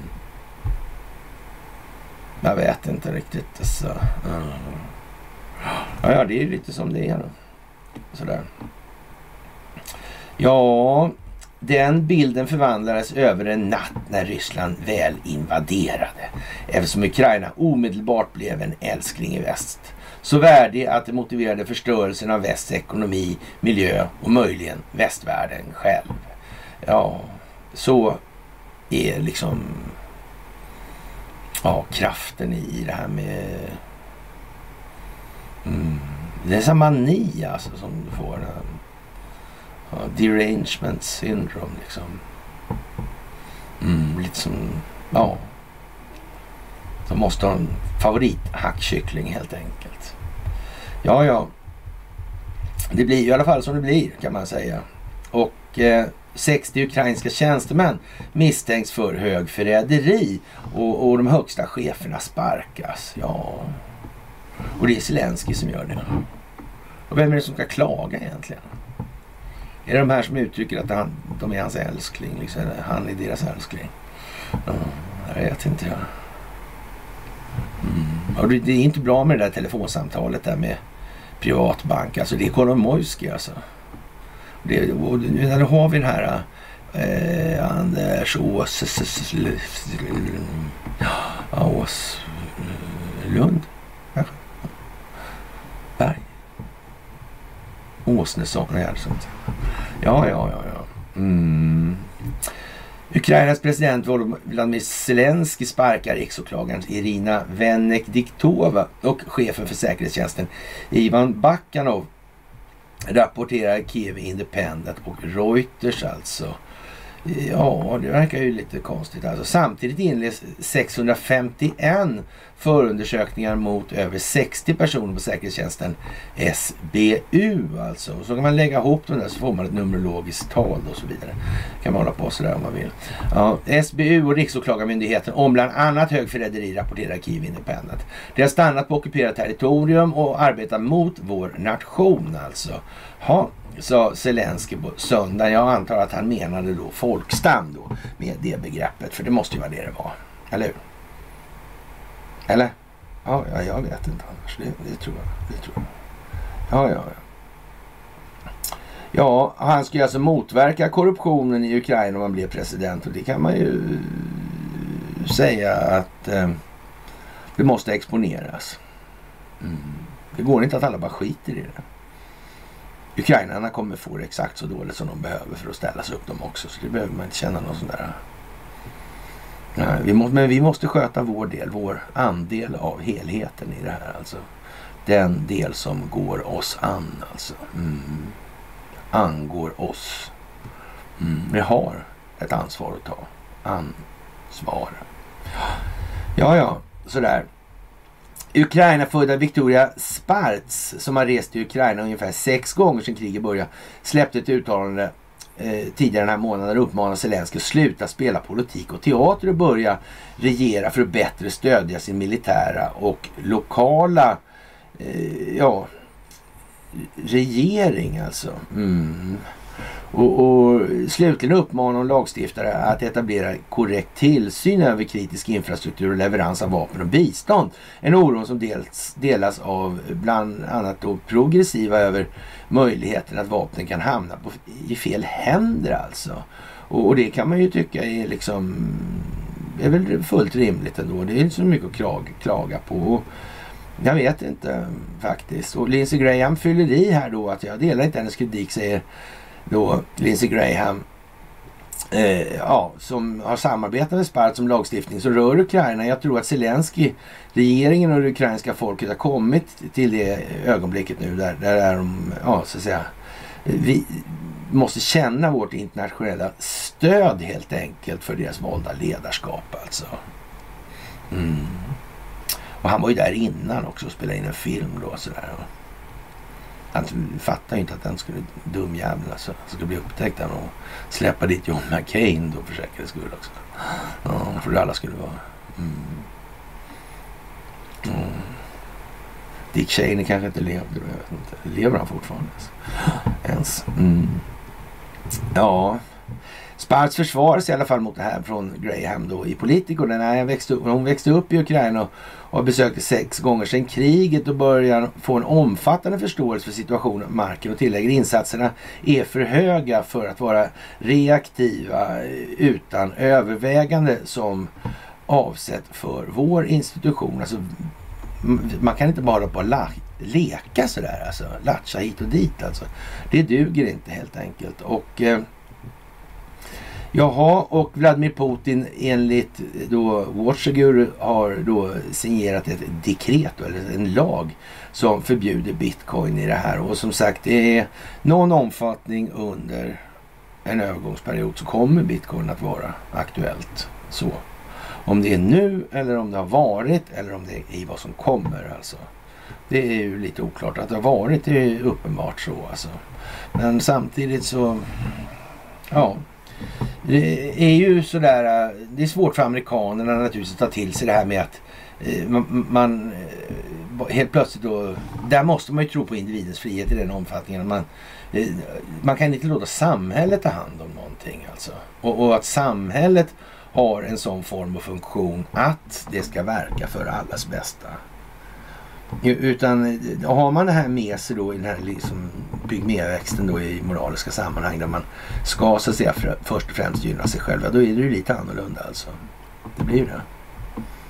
Mm. Men då får man ju ta det i delar också. Så. Då måste jag få fan ha chansen att tjäna en hacka där på slutet alltså. Ändå alltså. Nästan ända in i kaklet där också. Fan också det sprack va. Ja, ja men det blev ju bättre i alla fall. Liksom. Ja, men, ja, hela världen blev en bättre plats. Men Ja. Sådär.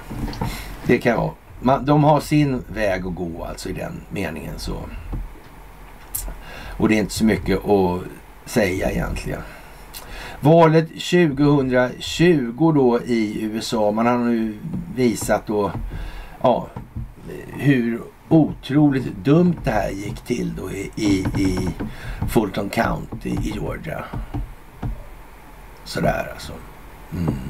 Det kan inte ha varit så. Det var liksom en teknisk och statistisk anomali rakt av. Och det hänger kvar. Det tuggar, det tuggar, det tuggar, det tuggar. Mm.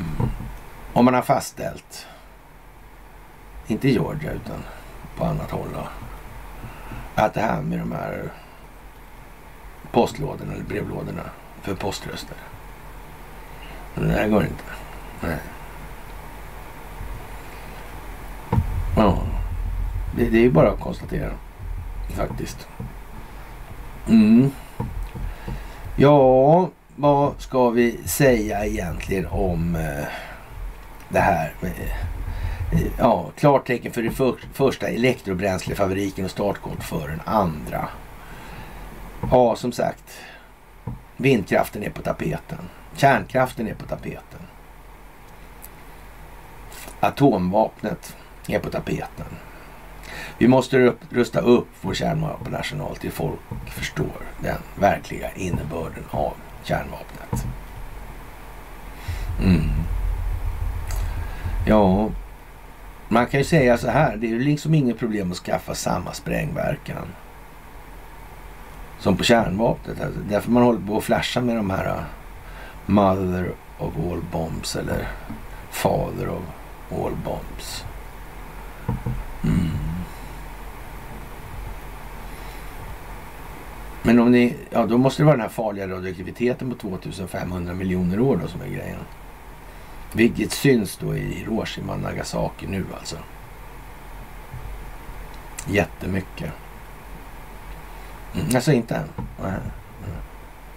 Ja, man vet ju inte liksom riktigt. Konstigt det där. Och, och, som sagt, man byggde ju den här reaktorn då i Ågesta. Men här har man ju byggt den innan Tekniska högskolan. Det ligger ju faktiskt inte så nära Stockholm. Det gör det ju inte. Nej. Och det var ju fan det riktiga Stockholm på den tiden dessutom. Det var ju fan Öfre Östermalm nästan. Mm. Ja, ja. Det är ju lite sådär va. Kanske lite för mycket mot Norrtull. Mm. Vad kunde jag legat i Liljanskogen? Man vet ju inte. Ja, ja. ja. Ja, Huawei de återupptar leveranserna av eh, ja, smartphones och andra elektroniska tillbehör till Ryssland. Konstigt. Det verkar som det taktar alltså. Det verkar som att det är koordinerat. Mm. Vad tror ni? Ja, jag tror det. Det kan jag garantera. Jag tror. Helt säkert tror jag det. Jaha, och eh, västs dominans håller på att gå till en, sin ände nu, säger då Tony Blair då. Och ja, vad finns det att säga om Tony Blair? Det är egentligen inte så mycket att säga. Ett moraliskt geni helt enkelt. Moralfilosofiskt geni. Alltså. Ja, vad ska han säga så här dags? Klockan är mycket på hans levnadsbana. Mm. Det är som det är, kort sagt. Ja, med Vevev. Han hävdar att Kiev-regimen eh, är irrationell och att den kollapsar.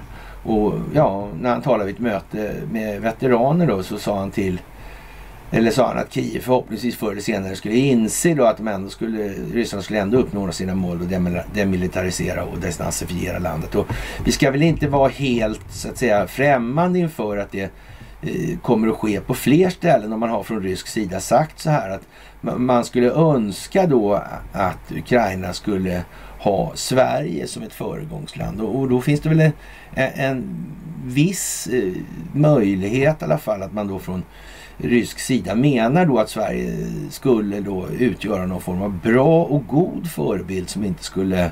Men, men det, det verkar man inte ha eh, så att säga riktig ja, den uppfattningen tycks inte vara etablerad riktigt ännu där alltså. Nej, för det låter ju åt andra hållet. Men, men då måste det i sin tur innebära att man eh, ändå på något vis ser det här som någonting framgent då. Alltså det finns någon form av planeringshorisont med ett eh, rätt så tilltaget djup på helt enkelt. Ja. Det kanske är någon annan som ska ombesörja så här, den moraliska hållningen och, och, i de här sammanhangen. Och hur var det nu landskap och lag och sådana här grejer? Ja. Mm, och så var det där med åklageri och sånt ja. Mm. Mm, ja det måste ju vara lite ledarskapstakter i en åklagare trots allt alltså måste vara lite ansvarstagande och sådana grejer. Ja, så måste det nog vara ja. Mm. Jaha. Myndigheterna i Ukraina har varit irrationella när de har försökt titta eller försökt fortsätta sin militära operation till den sista ukrainska ställningen, sa den ryska säkerhetsrådets vice ordförande Medvedev på söndagen. Så han talade inför ett möte med veteraner där. Och, och så sagt, de ändlösa försö försöken att fortsätta kämpa tills det här sist, den sista ukrainska ställningen. Alltså, den kommer helt säkert alltså resultera i en kollaps av den befintliga politiska regimen trots deras ansträngningar att eh, snacka bort det här alltså. Mm. Men de ska ha något annat som förebild alltså. Som redan är så in i helvete insyltad där nere. Och det är liksom optik för att man ska verkligen se vad det här handlar om alltså. Ja. Med tre stycken särskilda sändebud också. Och det är inte vilka som helst alltså i de här sammanhangen. När det kommer till den djupa staten och Stockholmsbyråkratin. Och den svenska statsförvaltningen. Nej, det är det inte. Det är precis tvärtom alltså. Det är precis tvärtom. Och Jan Eliasson finns på hela serier nu. Artikelserier i Svenska Dagbladet. Göran Persson behöver inte säga så mycket. Carl Bildt han pratar själv. Skäller, gläfser. Ja. ja, ja, det där är ju liksom som det är tror jag. Faktiskt. Mm. Det är, gäller att visa, det gäller att exponera. Mm. Det är ju så. Och eh, ja, vad, vad, ska man... Eh, mm. Han sa ju vad han skulle göra om han blev president, alltså inte hur. Med Zelenskyj där också. Chansar man liksom? Vi tar in, vi, vi har kontroll på det här. Men vi har ingen, hur lång planering kan man ha? Men om de nu har planerat det här sedan, ja, i vart fall 80-talet då.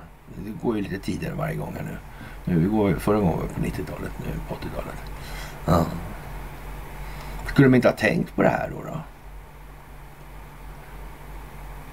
Ja. Men om man tänker sig att amerikanerna har koll på det här med svensk lagstiftning och form, det här med abolition som folk inte har alls koll på. Men det har de koll på. Ja. Men då har ju de en planeringshorisont som verkar rätt så lång ju. Mm.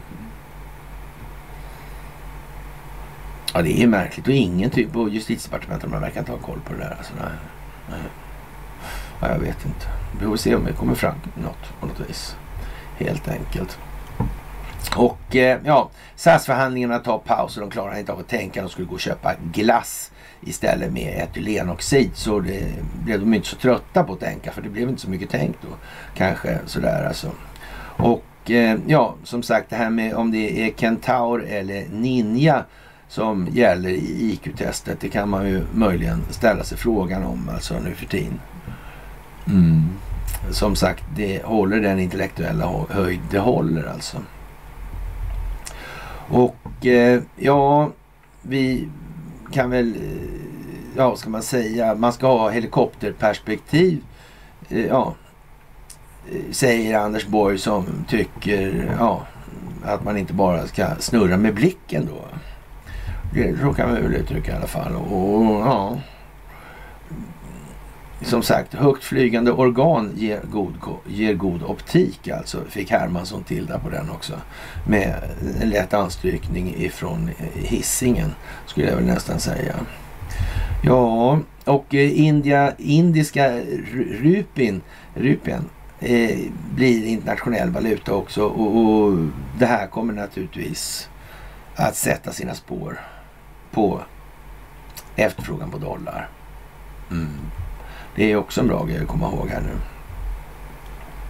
Jaha, och så är det en ny sån här äh, rapgubbe då som är här. Och, och den här Drake då heter han. Och vad det här handlar om det är väl det gamla vanliga helt enkelt i de här sammanhangen. Och, och det verkar som att omvärlden allt mer fokuserar på det svenska rättssystemet och var det lämnar våra svenska jurister någonstans som själva inte har gjort några stora åthävor för att komma till rätta med det här. Alltså, nej.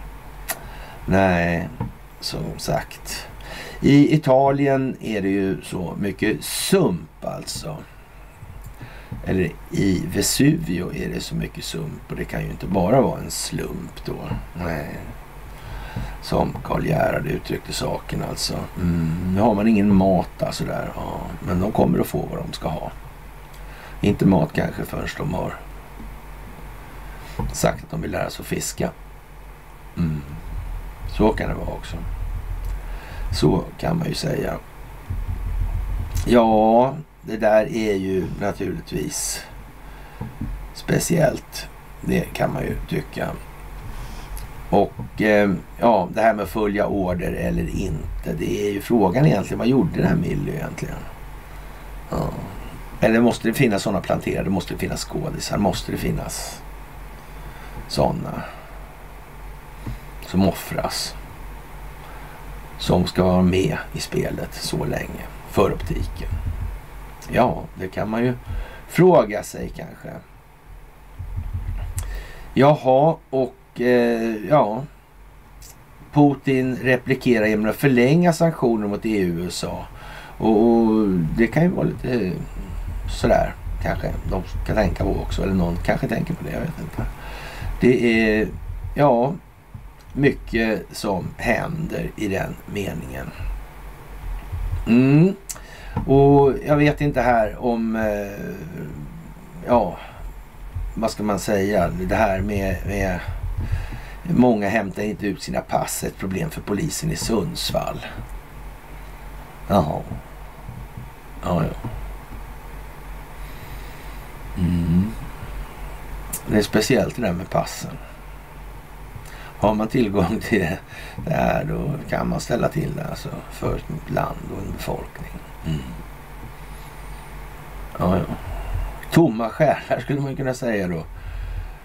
Väldigt konstigt där. Och eh, ja, det är ju lite sådär faktiskt. I Sverige, det måste man ju säga. Och som sagt, genomgången av Italiens ekonomiska läge eh, ja, inför premiärminister Mario Draghis framträdande i parlamentet på onsdag. Så, ja.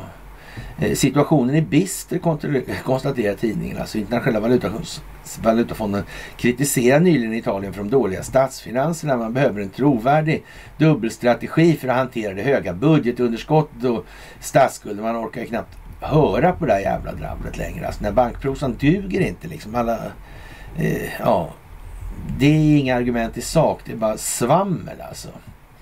Sådär och, och ja. Och Ukraina har publicerat då igår eh, en lista över västerländska politiker och journalister som man anser vara då Vladimir Putins agenter alltså. Och det, det där är ju liksom, eh, ja, det finns ganska välkända och respekterade eh, personer på den här listan. Amerikanska senatorer, ja, folk i Europaparlamentet, journalister och historiker och så vidare. Det där är ju, ja, det är lite intressant alltså. Mm.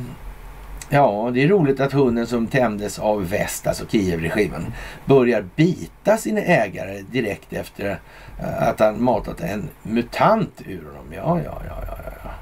Se där alltså. Det, det är lite, får man säga. Och vindkraften går ju fantastiskt här i Sverige när den här masten då, eller navhöjden då, på, på 145 meter gick av på mitten och rasade ner i skogen under lördagen. Det är ju fantastiskt. Trevligt. Ja, det säger någonting där. Och massor med olja läckte ut, hydraulolja skit. Det var ju jättedåligt alltså. Och ja, Jonas Gardell höll jag eh, på att säga, men Christer Gardell i alla fall. Och han med bubblorna utan handskar där och analysen av analysen som Stensö gör där. Ja, roligt, bra helt enkelt. Det är dags att tänka efter nu. Det måste bli så här. Finns inte så mycket att säga längre helt enkelt. Vädret är ju en, eh, någonting som farmor alltid suckar över. Eller suckar över. Nu suckar de fortfarande i sin himmel där.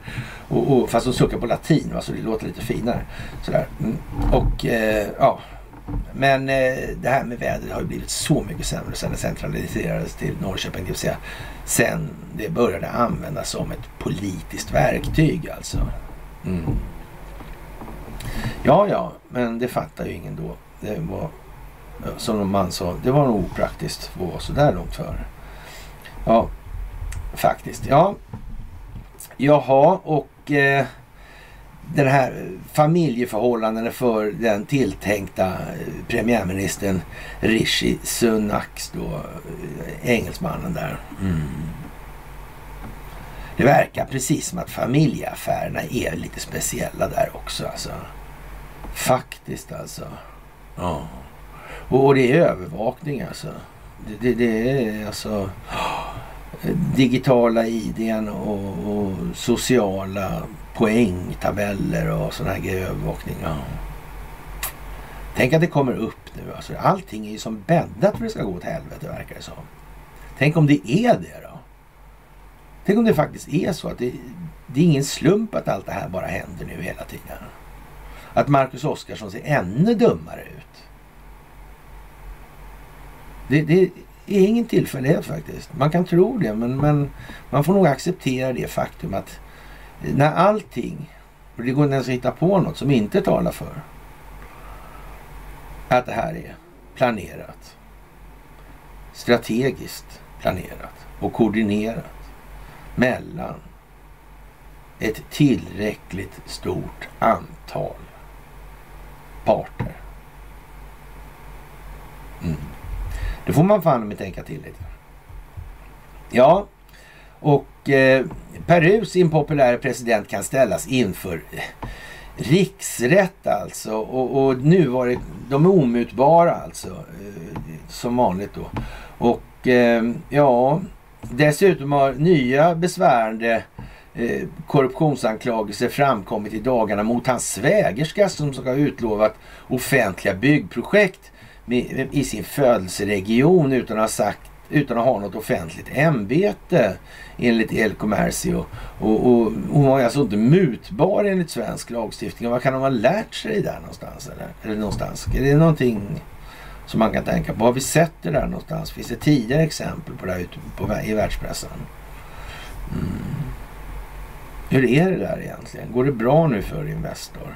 Går det bra för Sverige i de här sammanhangen? jag är inte så säker på det. Jag är inte så säker på det.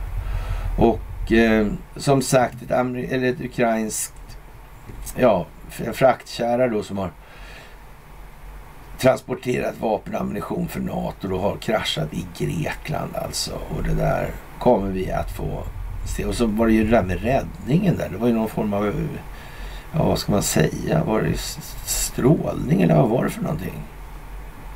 Eller var det kem? Det var, inte, det var inte bara konventionella vapen eftersom man skickade dit särskilda enheter för att hantera det här. Så ja. Ja, det börjar komma upp i, i SvD till och med att rapporterna om sommarens väder är talande. Det är överdrifter. Det är eh, rena skräckporrar nästan. Det är konstigt. Då alltså. Jag vet inte. Jag vet inte alltså. Mm. Att begränsa priset på eh, rysk olja är en dålig idé och, och ja, Förslaget om ett tak för priset på rysk olja som lagts fram av USA kommer bara att belysa världens beroende av denna råvara och tillåta Putin att ytterligare hota västvärlden, skriver Financial Times. Tänk om de inte kunde räkna ut det alltså. Att, att de gör som de gör ändå då. Det där är ju lite svårt att förstå måste jag säga. Men sånt som svenskar i allmänhet kan förstå då det är att om man har haft apkoppor då så råds man använda kondom då i minst 12 veckor efter sjukdomen läkt ut. Det framgår av nya riktlinjer från Storbritanniens folkhälsomyndighet UKHSA, rapporterar Pink News.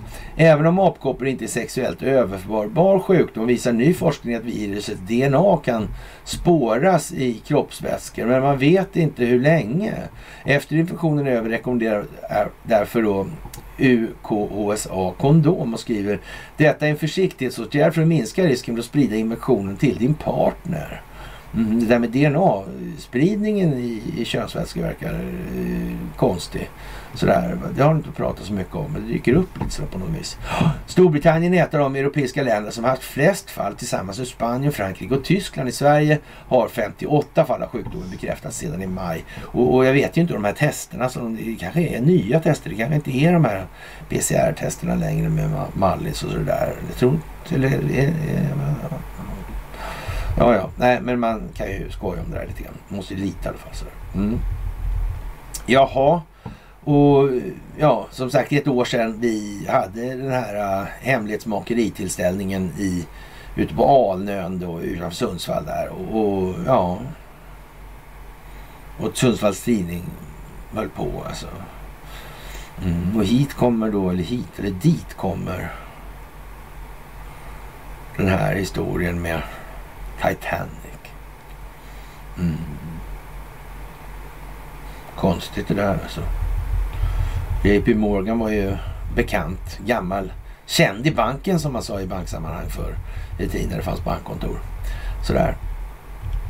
Ja, det är ju originellt får man nog säga. Ja, och eh, ja, Folkhälsan är på topp med monopolet alltså och Systembolaget har ensamrätt på detaljhandel med alkohol i Sverige för att minska alkoholens skadeverkningar och värna folkhälsan. Och eh, pysslar med lite mutor och annat som under Anita Sten och så vidare och, och vin och trädgård och det här. Och, men småsaker alltså. Det, det är inte organiserat alls, ingen institutionaliserad, korruption, institutionaliserad korruption där inte så långt ögat kan se alltså. Ja, och som sagt, vad är pengar?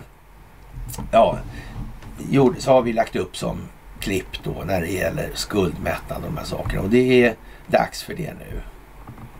Att fler förstår det. På ett sånt sätt så att det går att förklara vidare. Det är bara så. Man får tänka lite. Lägga lite energi på det. Föra diskussioner, söka argument i det här. Och förstår liksom att sagor om hastigheten på pengar, det går inte riktigt hem för den går inte att göra oändlig i alla fall. Va? Alla kan inte använda samma krona samtidigt. Så det går inte. Faktiskt. Häpnadsväckande nog alltså. Ja, men så. Och eh, ja, amerikanska ambassaden i Kiev har stannat då helt enkelt. Och, och, ja, man säger att det finns inget folk där. Jag vet inte om det stämmer, men det kan nog vara så. Det kan nog vara så. Och eh, facit av Magdas politik, jumboplatsen är när det kommer till tillväxten alltså. Och som sagt, det här med skuldmättnaden, det är ju vad det är. Och det är inte så mycket att diskutera egentligen. Det är helt intellektuellt hjärndött alltså. Och man misstänker då att inflationen har varit hög i decennier, alltså i dagens PS. Och jag vet inte vad man ska säga egentligen. Men oj då, kan man väl säga om det. Och ja, det är väl egentligen inte så mycket att orda om längre nu utan eh, det är vad det är. Och det kommer att bli tydligt. Och det finns ingen anledning att oroa sig heller. Och om nu Wisconsins högsta domstol har förklarat då att poströstboxarna är olagliga och Trump ska fatta beslut om någonting och skriftställarna i den amerikanska kongressen kräver utredning av den tekniskt grundade riktigheten i den här filmen 2000 mulor. Ja, vad händer då egentligen? Kan den amerikanska högsta domstolen reagera alltså? Och man eh, meddelar den 20 juni då Eh, prövningstillstånd för delstaters förhållande till konstitutionen och det blir så att hon Amy Coney Barrett blir avgörande i den delen och hur kan det gå egentligen alltså? Oh. Och hur blir det egentligen om den här republikanska segern blir så överväldigande? Ja, och, så att det, och det blir ingen möjlighet till valfusk för Demokraterna. Hur blir det då? Ja. Och, och leder inte det då i så fall till att man undrar hur fan gick det här till i, i liksom valet 2020? Blir det inte det? Och så, men det andra pågår ju, de andra grejerna pågår i alla fall. Va? Så att, är det inte läge då kanske att undra lite mer här nu? Då kommer det ju det där, det har jag sett hela tiden. Jag har ju följt det, jag har sett det liksom. Men vad fan. Ja, och, och nu visar det sig här då. Man känner byta fot fort som fan liksom. Ja. Så när det ena eller andra väger in som utvecklingsriktning, det är liksom beroende på oss själva hur mycket vi lyckas sprida den här upplysningen just nu alltså. Och, och den djupa staten har alltså bråttom att skapa fokusförskjutningar i form av störtade plan och så vidare. Och, och det beror på en allt mer begränsad handlingsfrihet. Alltså den 20 augusti är det premiär för den verkliga upplysningsinsatsen, uppföljaren då till de här 2000 murarna. Den kommer vara mycket, mycket större, ett mycket, mycket hårdare genomslag alltså. Så det blir spännande tider. Det är helt fantastiska tider skulle man faktiskt kunna säga. Utan att överdriva. Det har aldrig varit så här fantastiskt. Och eh, ja, det här som sagt om man tänker ställa upp eller inte. Ja, det beror ju lite på hur det ser ut kan man ju säga. Hur, vad händer med underlivsporslinets ja, eh, familjeaffärer egentligen? Mm. Hur går det med det där om Kamala måste ut nu eller vad och så vidare? Mm. Ja, det där vet man inte riktigt. Nej. Det där är ju lite konstigt, ja. Och de här har ju skrivit på den här listan då, i form av kongressen alltså. Ja, mm, som sagt. Ja, kära vänner. Med det så kan vi väl säga så här att vi har gjort vårt för att slå igång den här veckan. Och det är som ni märker en fantastisk tid vi lever i. Det här kommer gå väldigt bra. Det är helt säkert. De som har planerat det här strategiskt operativt. De har gjort det med stor kunskap och skicklighet. Det är bara att konstatera det. Och vi har vår del att fylla i det här. Så är det också. Och vi måste göra vad som ankommer på oss. Med det så ses vi senast på onsdag och sen får jag önska er en trevlig kväll.